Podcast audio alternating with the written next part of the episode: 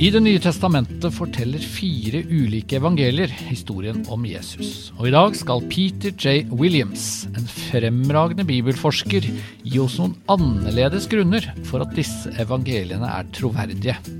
Som f.eks. det som står om været i disse.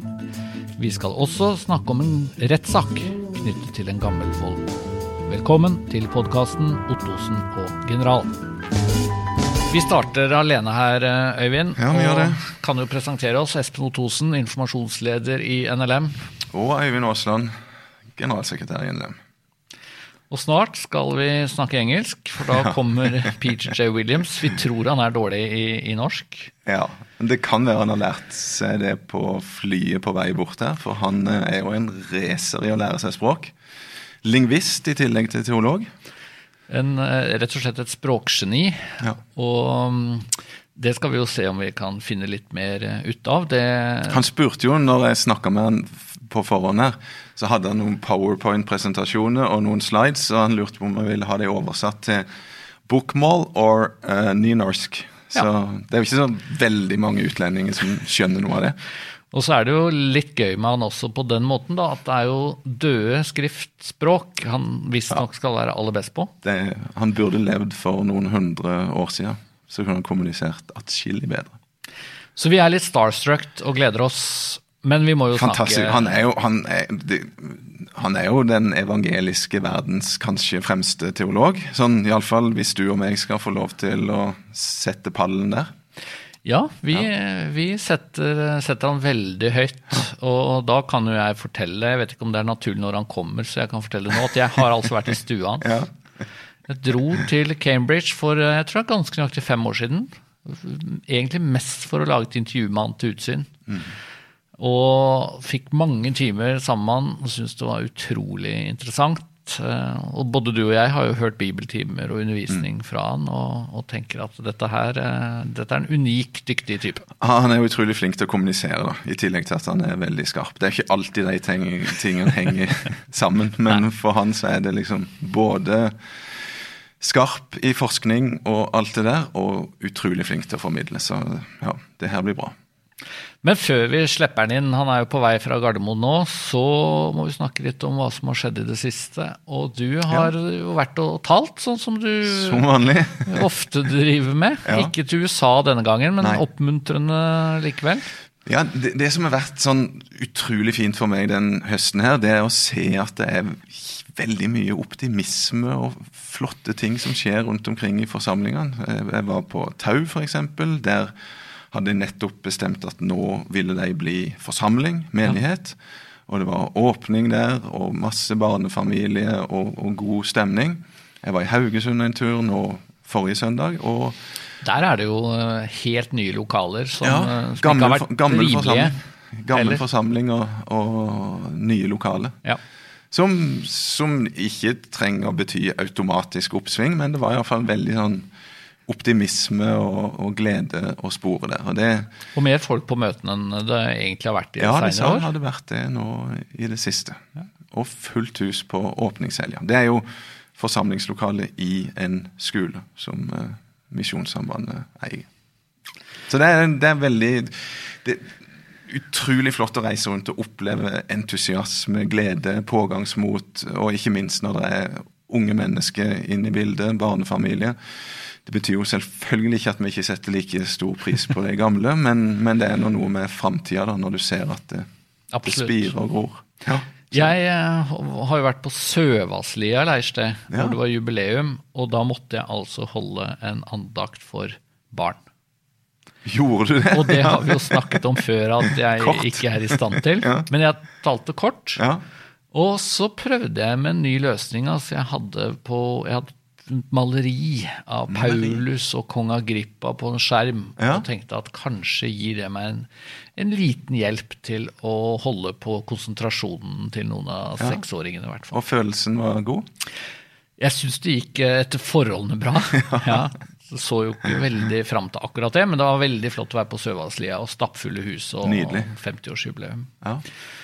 Men, men det jeg jo har varslet allerede at jeg skal snakke om, da, Ja. det er jo uh, egentlig en slags rettssak. Eller ikke en slags rettssak, jeg var innkalt som vitne. Ekte, skikkelig rettssak. Vitne i Follo tingrett. Jeg tror jeg kan si det åpent.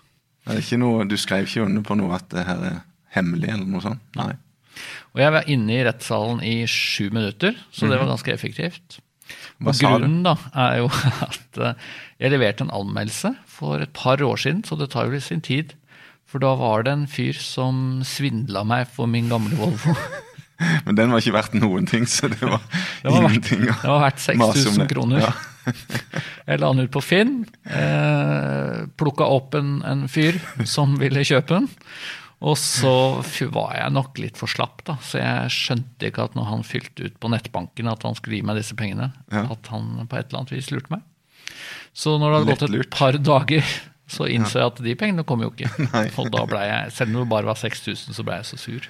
ja, jeg skjønner jo det. Det er kjedelig å bli lurt. Men det jeg måtte fortelle da, i rettssalen, og det var jo litt gøy, eh, som jeg tror ikke skal være så veldig gøy å være i rettssal, men det er jo at etter anmeldelsen var levert, så fikk jeg jo bilen tilbake. Ja.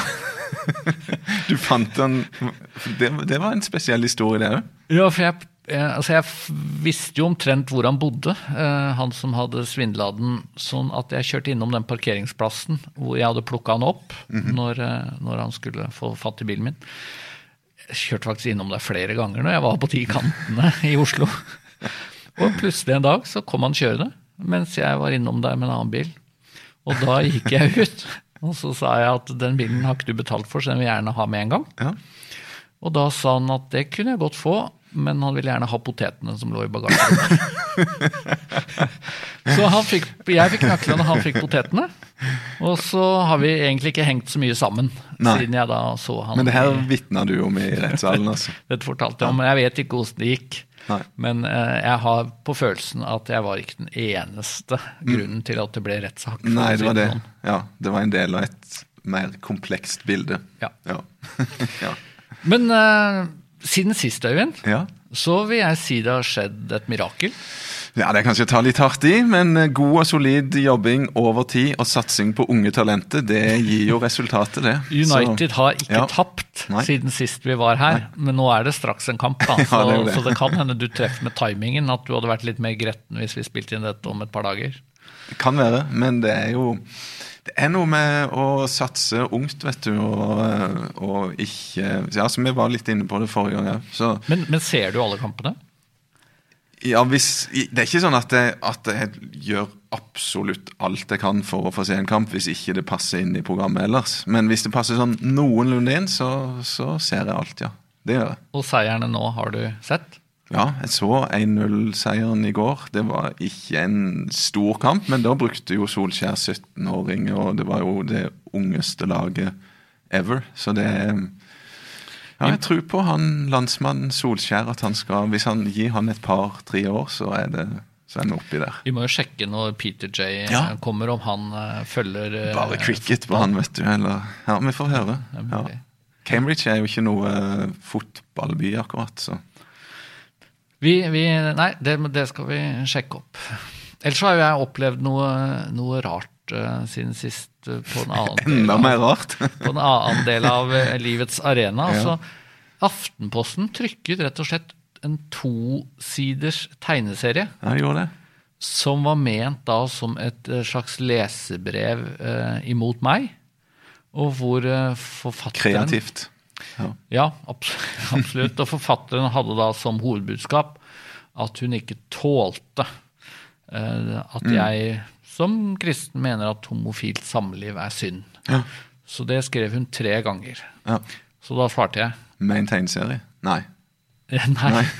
Du kunne jo vært litt jo kreativ igjen. Ja.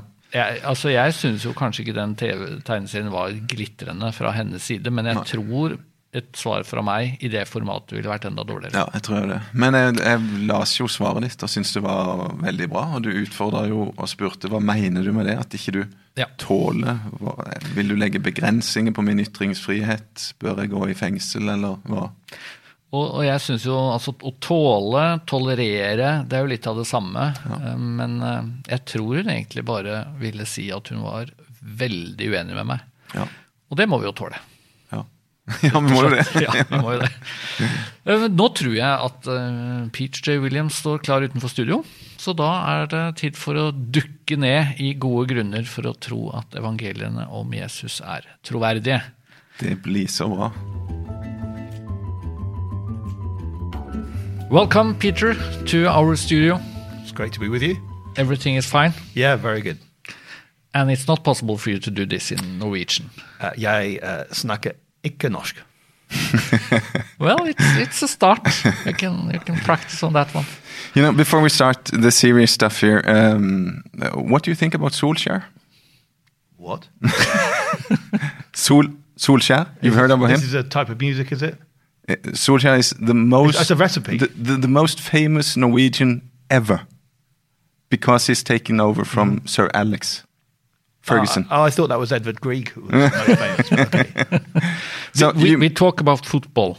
Oh, football. Okay. Britain, Yeah, yeah. in football Manchester in United. England. yeah, yeah. You've heard I've, of that? Uh-huh. I've heard of Manchester United. I couldn't name a single player in Manchester United. really? I couldn't name. I thought Yeah, yeah. all English were. No, no, no. There, there were some of us who managed So- just to avoid it, Uh-huh. particularly in Cambridge. Yeah. Yeah, okay. Yeah, Cambridge doesn't have a very proud. No, but but I can tell you one thing that actually one time Cambridge United, which is a very I can tell you this about football. Cambridge United, which is a very bad football team in relative terms, once drew against Manchester United, and Really? this was very historic because one Manchester United player was, uh, you know, paid more than the entire team in Cambridge. Uh-huh. Yeah, Yeah. so So that's the kind of stories you know. this is a sort of story. Yeah, yeah. It took a temporary interest in the city. Yeah. But we understand you live in Cambridge. Yes, yeah. Uh, What do you do there? So I head up a Bible research institute called Tyndale House. It's got one of the best libraries in the world for the academic study of the Bible. And we have a whole community living there researching the Bible. So about 50 people every day carrying out research at the doctoral level or above. And what does it mean to lead such an institution? So I suppose I represent it publicly. I carry out research. I help with the managing of research projects there, and you know making decisions. So there's quite a bit involved in leadership. I'm not sure if you're aware of this, but um, I, I spent half a year in Cambridge and Tyndale House in '97. Well, where else would you go? Yeah. No. Uh, mm, the, the problem is I, I was not above PhD level or at PhD level. Uh-huh. I was just preparing to, to go to Kenya as a missionary. That's great. But I was allowed staying there, and I had a Yeah, really we're- good we're time. generous. Bruce Bruce Winter, Yeah, he used to play guy. squash with me, so Yeah. I, I really enjoyed that. Yeah. Your predecessor, is yeah, that Bruce, is a good guy. Yeah, and you were there at the time. I would have been there. Mm-hmm. I mean, that, yeah, you look familiar for that reason, amongst others. But Great. you have to play squash as a leader of Tyndale House? No, you, you don't have to. It's just my predecessor. You know. Yeah. Okay. Yeah. He was sixty something years old, and he beat me at squash. Yeah. So it was Quite right. quite embarrassing. Well, he wouldn't have asked you to do it because he knew he could win. so. But you have studied a lot of biblical uh, language. That is, in, in a way, what you have uh, done the Yeah. most. What does it mean?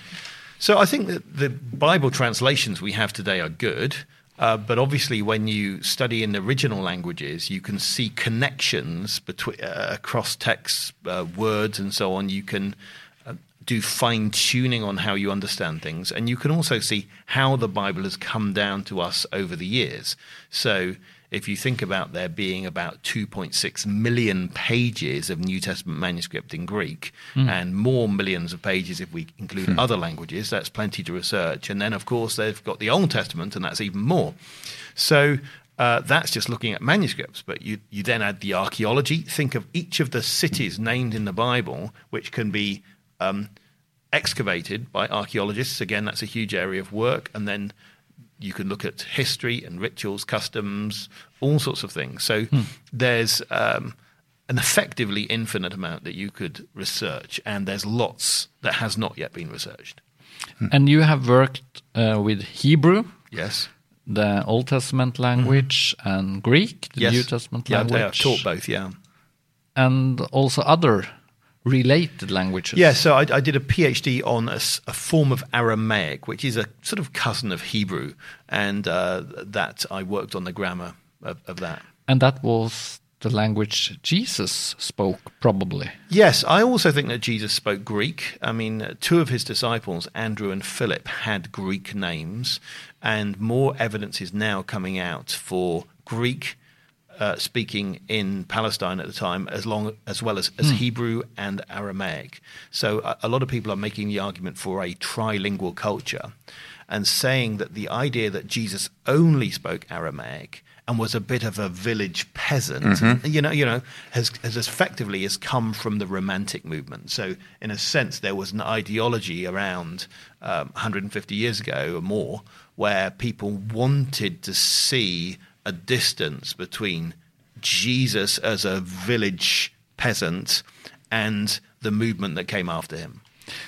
Was that also a way of taking away his authority? Because why believe yeah. a peasant that almost couldn't? That that can be part of it, but I think when you see it as part of a wider movement, uh, the way it, it comes across is that they claim that they're restoring the original Jesus, the original uh, rustic peasant Jesus, who wasn't um, touched by Greek philosophy and categories. He didn't come across them. He just came up with the stuff. And, and what you realize is this is a wrong way of looking at things. Since Alexander the Great, um, you know, conquered the uh, Near East in you know, the fourth century BC, actually Greek language and culture was spreading all round, so that even the Sanhedrin, which is the central Jewish deciding body, has a Greek name. Hmm. You know, so actually, it, it's it's seeing someone like Nicodemus that Jesus meets in John chapter three has a thoroughly Greek name. You know, hmm. that, that's what, what it is. Hmm. And so the elites tend to take on the language of their conquerors and, and so on. That that's a, a something you see a lot in history, and so a lot of uh, Jews had names like Herod, you know, which is a hero word from Greek, and and and, and Philip, and so on. So it's recognizing how much that was going on. Uh, is, that's pretty important.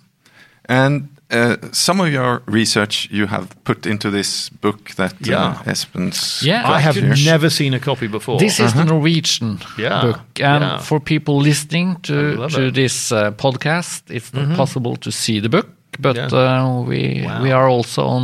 on Kan vi stole på evangeliene? I love it. Mm. Can we yeah, trust Can we the trust the Gospels? gospels? Yeah, very nice. And um, and people can watch this uh, podcast Uh-huh. also. So therefore, we are showing the book. Yeah. Um, you you write a lot about names and, Mm-hmm. Yeah, sure. and Weather, Yeah. conditions. Yeah, it's, it's very simple. I mean, I've only been to Norway twice. It's my second time, and I'm just in the first day of my second time. If I were to try and write a story about people in Norway, I wouldn't have a clue. I wouldn't get it right. I wouldn't get the places right, anything right. Um, now, I can actually find out a lot about Norway through Google and you know uh, do, doing computer searches. But back in the time of the New Testament, to find out about a culture, you know, it was a very non-trivial thing. It's a very difficult thing. So either the gospel, and I show from the knowledge that the Gospels have, either the people came from the land and lived in it a long time, or they'd had really detailed conversations with people in the land. Those are your only two possibilities for the information they have. And I think that's significant because it- what it shows is that the gospel stories have not come through a long process of oral transmission in which they get detached from uh, the culture that in, in which the stories are set. does but what you say and shows in this book that uh, it's obviously that uh, the gospels contains a lot of um, knowledge about the time of jesus. Uh, is it um, a, a, way of thinking that uh, a lot of people uh, don't follow Well, I think I think mo- uh, most people who are skeptical of the Gospels but haven't thought about it very much just think that there's been a very very long period of time, and somehow things have got changed over time. Or they might think it's it could be a short period of time, but we know that urban myths can grow up in a short time. The problem about either of these two explanations is that when you have a uh, story going wrong, it's hard to get the central elements correct, sorry, incorrect, while you get the peripheral elements, the smaller bits at the edge, wrong. Uh, right, sorry. As in, you, you can't selectively corrupt the information. If you're going to have the little bits right, then you can't have the big bits wrong easily. Now, someone can always come up with a, an explanation, and if someone wants to explain away the Gospels, they always can. I'm appealing to what is the simplest sort of explanation. And my argument is not that I can prove everything to be true, but that I can show that believing things to be true presents the easiest, simplest explanation, it- which will account for the most data in the most elegant way. But the topic you are writing on is not a new one. Uh, there are so many books, in fact, about the truthfulness of the Gospels. Yeah, sure. But but uh, still, there are, are new arguments in, in Oh, sure. your book. I, I- I think there are new arguments. I mean, obviously, I, I spent about tw- 20 years speaking on the subject before I wrote that little book, and it is a little book. Um, so I put um, my thoughts that I developed in front of tens of thousands of people, you know, trying them out with small groups into a little book. And so as a result, you know, I hope it's I hope it's good, uh, and I'll never write a book that's as good because I will never spend twenty years speaking on something before I write a short book. Um, but yes, there are new things to say. Um, a lot of the very best arguments for the Bible are only available when you know the Bible, because they actually require a lot of information to process that. So this is a problem when you're presenting this to people who say know nothing about the Bible, and I tried to write the book as if people know nothing, um, is a lot of the best arguments I might want to use presuppose some knowledge people don't yet have. So you, you can't use those until they've spent more time on things. How important do you think it is to to um, have all these arguments? Isn't it? I I mean, to be a Christian is to to to just have faith. You need the Holy Spirit. Yeah. Uh, uh, do you really need science and arguments to to? So I think it is important for us to claim that Christianity is about real events in the world. So Paul says in 1 Corinthians 15 that if Christ isn't actually raised, then the Christian uh, Christianity doesn't work, uh, and we are wretched. So I'd want to say that um, the history matters. But of course, you can. It's not the only way to argue for Christianity, and it may not be the decisive thing for most people because most people are not historians. What may convince far more people is demonstrations of love. Because when people are in terrible situations and no one in the world seems to care, but then a Christian shows love, that's overwhelming. You know, mm-hmm. because there's not a lot of love on supply, you know, in the world that you, you you see in, in the hurt of the world that, you know, love is short. So that's where Christians can demonstrate um, its power. Um, we, we know that through coming to know Christ, people can have amazing transformations in their behavior from being terrorists to being people who love, from being uh, overcome by addictions to people who have managed to overcome that by God's strength. So I'd want to say there are many arguments. There are arguments from prophecy, there are arguments from purpose in life, there are arguments from the nature of the Christian message, the question of forgiveness. I mean, right now there's an interesting thing going on with the Canadian Prime Minister. I don't know if you followed about Yeah. some, some of the ways he's appeared with blackface and brownface and, hmm. and so on. Well, look, this is where Christianity has something amazing to offer. It's something called forgiveness, you know. Hmm. And if you are following a, a system of secular virtue where you just have to be the most good in all of these different ways, it's a very unforgiving system because when you've done something wrong, they ha- there's no mechanism for you to be forgiven, you know. And, and central to Christian's message is yes, there is a mechanism. God came into the world and uh, his own son took the price so that we can be forgiven. And, and this is an amazing thing. So I'd want to say it doesn't matter what you're looking at, uh, there are many lines of argument for Christianity. It's great to hear. And and no, now you talk like a preacher. Sorry. No, that's fine. we like it. But you're also a scholar. Yeah, sure. Is is that kind of combination a bit um, difficult because you are at Cambridge? It's so academic. You have to be critical. All that sort of things. How is it to combine? Well, there are, there are two issues. So one is culturally, it is strange for many people to see someone both as an advocate as a scholar and to be able to recognize them as a scholar. They, they, they find there's a tension because hmm. isn't the idea of a scholar that they are supposed to be neutral? But that's not the only message in our culture, because if you take, for instance, environmental issues, we would quite accept that someone could be a passionate green scientist. And what they would want to do is they would want to do very, very good science, and yet they have a deep passion about things, just as someone could be a very passionate science scientist wanting to uh, find something which will cure a particular disease that, that the passion can go together. In fact, the passion often enables you to do it better because it makes you get up earlier in the morning and stay later at night and really think about it even when you should be sleeping. So, this is where I'd want to say if you're really passionate about something, you don't want to falsify your data. Uh, because actually that will come back. So if you try and make a medical cure and you kid yourself that you've got a cure when you haven't, that won't actually help the cause. If I um, try and trick myself that I have a good argument for Christianity when it's not actually a good argument, that will come back and bite me. So, in other words, I think the passion absolutely can be combined with scholarship, and in fact should be. And this idea that scholars should somehow not care about things, as if we shouldn't care about the Third Reich. And, you know, I mean, how can you be. Um, consider there are so many issues in the world. You could be looking at domestic violence and researching that. You could be looking at rape. And how can you not care about these things? So I think there's a lot of room for very passionate scholars. Um, and um, if someone has an issue with that, they need to challenge the arguments I'm using, uh, not challenge my passion. And do they challenge your arguments?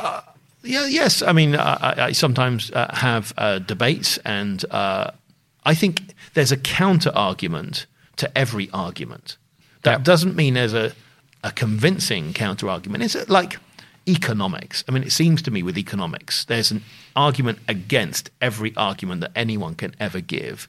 A, a lot in politics, you can always say, you know, the banks collapsed because they weren't regulated enough or because they were too regulated, and no one ever ran the perfect experiment. You know, so this is this is the way. Um, you know, things can go back and forth. That doesn't mean there isn't a truth. There is truth out there, but sometimes there's a lot of um, um, there are smoke clouds hiding it. There are lots of you know, and you've got to dig through. And and so um, yes, we're, in a, a a messy world in which there are messy arguments, but we need to seek the truth. if if you should try and, and, and, and sum up a couple of the your your best arguments that you've written in your books or which which really shows that the gospels are trustworthy or the, the Christian message as such is worth listening to. Yeah. We, we have listeners to our podcast who will not be able to come and listen to you Yeah. here in Oslo. So the, yeah, the way I would look at it is that um, when you have something which is holding something up, it could be that you could have a whole load of small things that are holding one thing up. And what I don't want to do is take one argument for Christianity and say the whole of Christianity depends on this. I think there are so many reasons for believing in Christianity. Um, if I had to choose one word, I would say Jesus. Uh, you know, because I, I think it's impossible to think of making this character up and all that he taught, and the uh, you know I'm just going to be talking uh, next couple of days about some of his stories and how remarkable they are. And I think they're better than any stories He has to be a across. lunatic, a liar, or Yeah. who he really claimed to and but he also he has to be a genius Mm-hmm. because he- the first ever time someone had a positive golden rule that you should do unto others what you'd have them do to you the first time you clearly have that uh, in a, a, a positive form that's altruistic is on jesus' lips Hmm. so either he said that or he had brilliant disciples who made up the best ideas ever and then credited him with it. You know, either way, that's remarkable. And I get all these remarkable things happening with Jesus. Uh, you know, arguments for the resurrection you could go on. So all of these things I think come together, uh, but I don't want to make everything hang on one. If that makes sense. I think that uh, in our society, in England, I guess, in Norway, it's highly secular, and a lot of people are very preoccupied with being modern, and that's something I hear a lot. A lot that people say something like that, like um, even if the Gospels are truthworthy, they are not modern. They contains ideas that are two thousand years old and a moral that is uh, two thousand years old. Of course, we should reject it. Yeah, and I I would want to say, of course, the Gospels are old, but they are perennial. They they deal with things that um, move from year to year that are relevant at every time. So, for instance, the love command uh, is a, a good case. I mean, has has anyone yet come up with a better rule than doing unto others what you'd have them do to you? But then you also find this. At the moment, we're having a lot of discussion in our cultures about gender and non-binary gender. Yeah, you know? I'm And- pretty vo- yeah. involved in discussions about So, that. and, and Jesus, uh, nearly 2,000 years ago, talked about three different forms of eunuch. Uh, you know, he said there are some. Matthew Yeah, 19. Matthew 19. And he said some people are born eunuchs, but by which he meant born such that they don't have the normal profile that a typical man and a typical woman would have. In other words, sorry, Jesus was ahead of the day. You know, don't tell me that the um, categories that we have nowadays are, you know, observing something which Jews had not already observed. Remember, Jewish priests had to circumcise every little boy. Jewish priests were therefore experts on the genitalia of those that came to circumcise. They they saw large amount. They saw anomalies. They knew that sort of stuff. Um, John the Baptist was from a priestly family. I think cousin of Jesus, who's got priestly genealogy as well. This stuff was known, and Jesus commented on it. So, in other words, um, there are things that you can learn uh, here, and we are so forgetful of history. We think we've just come up with great ideas that no one has ever seen before.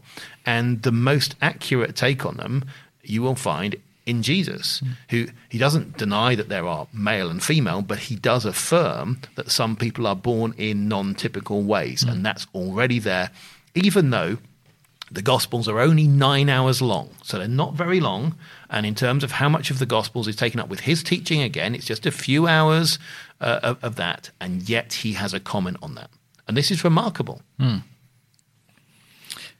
You think that um, the Gospels, uh, when it comes to presenting Jesus as the only Savior, um, that's all. That's often regarded as uh, not very tolerant, and and that's also a kind of moral argument.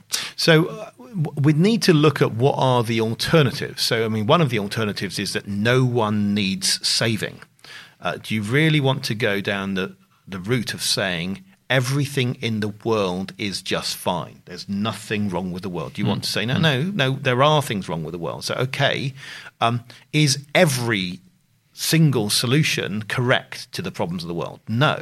Um, so you start narrowing things down. And uh, what we find is it's not just in John's gospel where Jesus says he is the way, the truth, and the life, but also in Matthew's gospel it said he's the savior. That's why he's got that uh, name. Uh, he's going to save his people from their sins. It's there in Luke's gospel.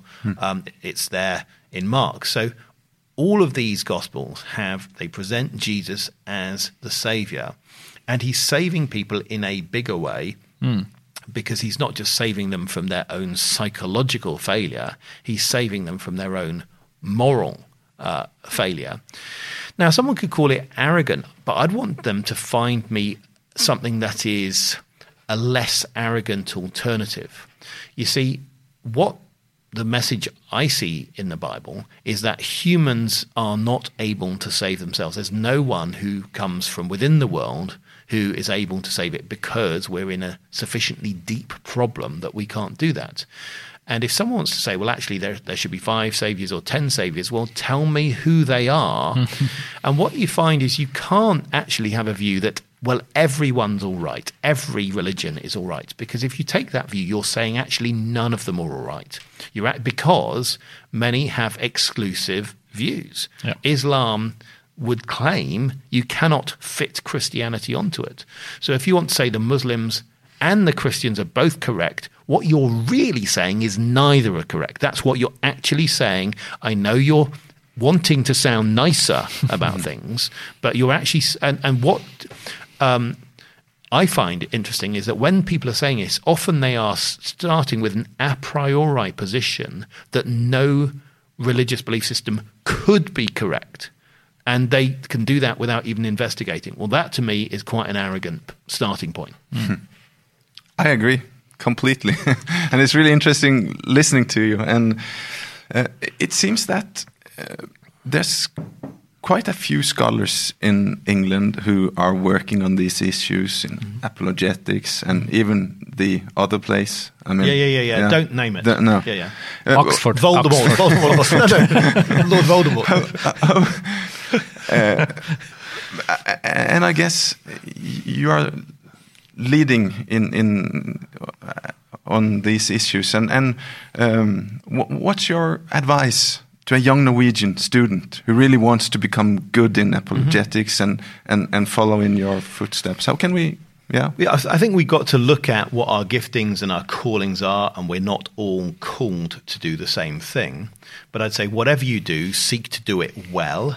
Uh, don't settle for a low standard just because people around you might settle for a low standard. And I'd also say that don't be intimidated by people who are um, of different persuasions who sometimes seem to know a lot more. Because I would say that when you, all humans are deeply ignorant. I mean, that's that's the, the very nature of, of, being human. God knows everything, and humans know an infinitesimally small amount of all that there is to know. That's what we're meant to do, mm. uh, and so we, we, we can grow the amount we know. But you you've got to see yourself as a servant of God who seeks to pursue knowledge as carefully as you can. Now, some people believe they ha- hear God's voice directly. Hmm. I won't comment on that, but unless you have a direct revelation from God, the only other way you can find things out is by actually working and experiencing. In other words, if you really want to solve a problem, you have to investigate. You can't, and you can't cut that process short. It may take you years and years to find an answer, but you have to do that. And what we find is in society, a lot of what happens is simply repetition. So we, we find that's happening with the internet where lots of things get passed around, but whether they have truth at the base of them is harder to know. So that's where I would say if you're wanting to be a scholar, you should, you know, search very hard, surround yourself with people who will be supportive. Don't think of yourself too highly. You're just, you know, a human servant of God. Mm. Um, and um, find an area. I mean, there are loads of areas that you could go into and just try and know everything about them.